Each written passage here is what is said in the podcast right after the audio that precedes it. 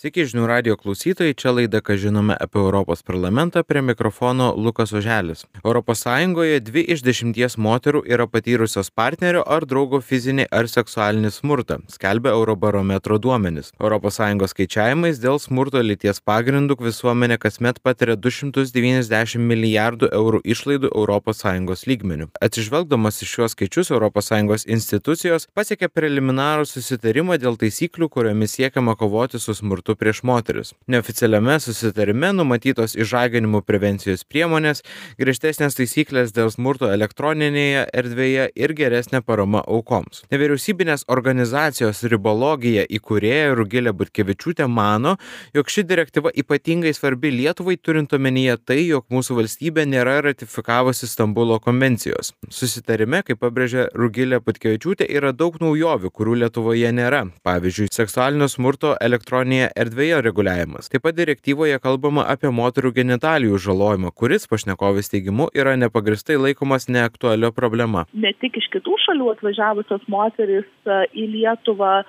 būtent yra susidūrusios moterų genitalijų žalojimu, bet mes taip pat praktikoje turėjome atvejų, kuomet ir lietuvės iš, e, ištekėjusios arba esančios santykiuose su vyrais iš praktikuojančių šalių, taip pat būtent joms buvo sužalotas genitalijos ir turėjom labai daug daug problemų, nes e, medikai sunkiai dar tą galėjo atpažinti, pavyzdžiui, moters gimdymo metu, ar ne, kuomet atvažiuoja moteris gimdyti ir jai yra sužalotos genitalijos, tai nu, nežinoma yra ką daryti be kelių medikų, kurie dirbo su šią problematiką. Nors pirminėme Europos komisijos direktyvos variante norėta kriminalizuoti išprivartavimo nusikaltimą visos ES lygmenių, šiam pasiūlymui pasipriešino atskiros šalys narės. Rugėlė Butkevičiūtė tai vertina kaip prarasta milžiniška galimybė. Dalis šalių šiai straipsnio eilutei priešinasi teigdamos, jog tai turėtų būti nacionalinių valstybių klausimas, o kitoms netiko išprievartavimo kaip sutikimo nebuvimo apibrėžimas. Lygų galimybių ekspertės vertinimu Lietuva čia vėlgi nukenčia labiausiai. Yra įvairių šalių ir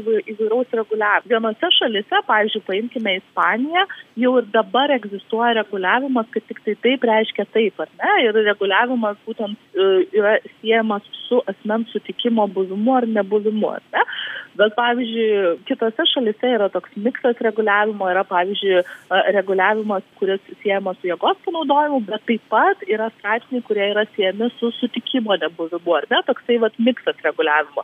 Ir, pavyzdžiui, Lietuva priskiriama tai šalių grupiai, kuriai, kurioje vis dar yra, nu, tas, aš vadinu tai senoviniu reguliavimu. Rugilė Butkevičiūtė akcentuoja, jog išprievartavimas grįstas sutikimo nebuvimu nereiškia, jog potencialiai aukai nereikia pateikti jokių įrodymų bei argumentuoja, kodėl toks apibrėžimas yra teisingas. Ir būdžiu, pati baudžiamoji justicija jinai niekada prie jokio reguliavimo nebus tokia, kad, pavyzdžiui, esant e, sutikimų grįstų reguliavimo, aš pasakysiu, kad mane išprievartavo ir be mano sutikimo. Ir tada sakys e, policijos pareigūnai, gerai tvarkoja viskas byla į teismą, teismas sakys, ai, tu pasakėjai, gerai viskas nuteisam žmogų 10 metų kalėjimą. Nu taip nėra.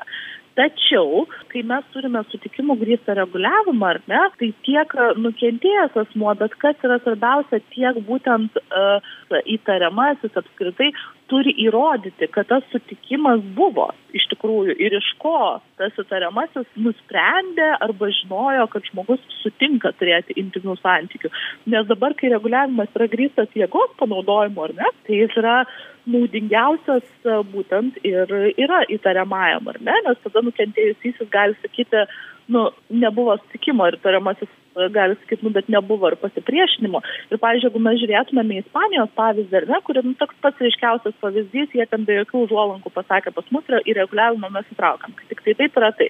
Tai reikia prisiminti, kaip šitas įstatymas buvo priimtas, ar ne? Jis buvo priimtas tada, kai kilo masinis visuomenės pasipiktinimas po uh, grupinio išprievartavimo merginos, ar ne, 18 merginos, kuomet buvo sakoma būtent tos grupės įtariamųjų, kad mergina jinai nesipriešino kai ją prievartavo ar ne? Jinai nieko nesakė jinai nesipriešino ir dėl to vadinasi to išprievartavimo kaip ir nebuvo ar ne? Ir teismas iš tiesų skyrė mažesnę bausmę būtent grupei grupei įtariamųjų negu ta bausmė turėtų turėtų būti buvusi ar ne? Ir visuomenė sukilo buvo daug akcijų buvo daug judėjimų ir buvo priimtas šitas reguliavimas. Nes kodėl sutikimo reguliavimas yra sutikimų grįstas reguliavimas yra pro, progresyvus ir toks ir turėtų būti.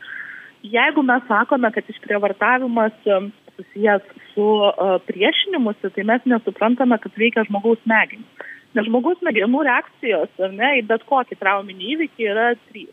Bėk, kovok arba sustink. Mes šitų reakcijų nepasirenkam, jas pasirenka mūsų kūnas. Ar ne, mes galim tam priešintis, bet nu, yra kaip yra, tiesiog biologiškai, ar ne, smegenys už mus nusprendžia.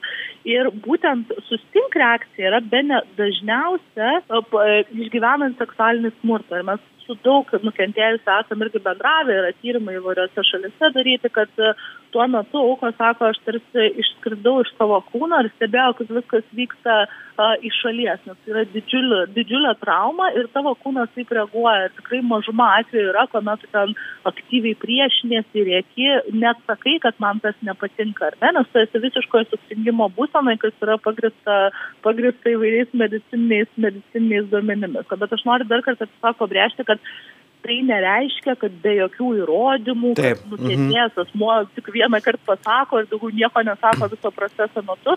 Ne, turi sakyti ir turi įrodinėti, baudžiamoji teisė tokia dviejų krypčių gatvė. Ir vienas ir kitas turi įrodinėti,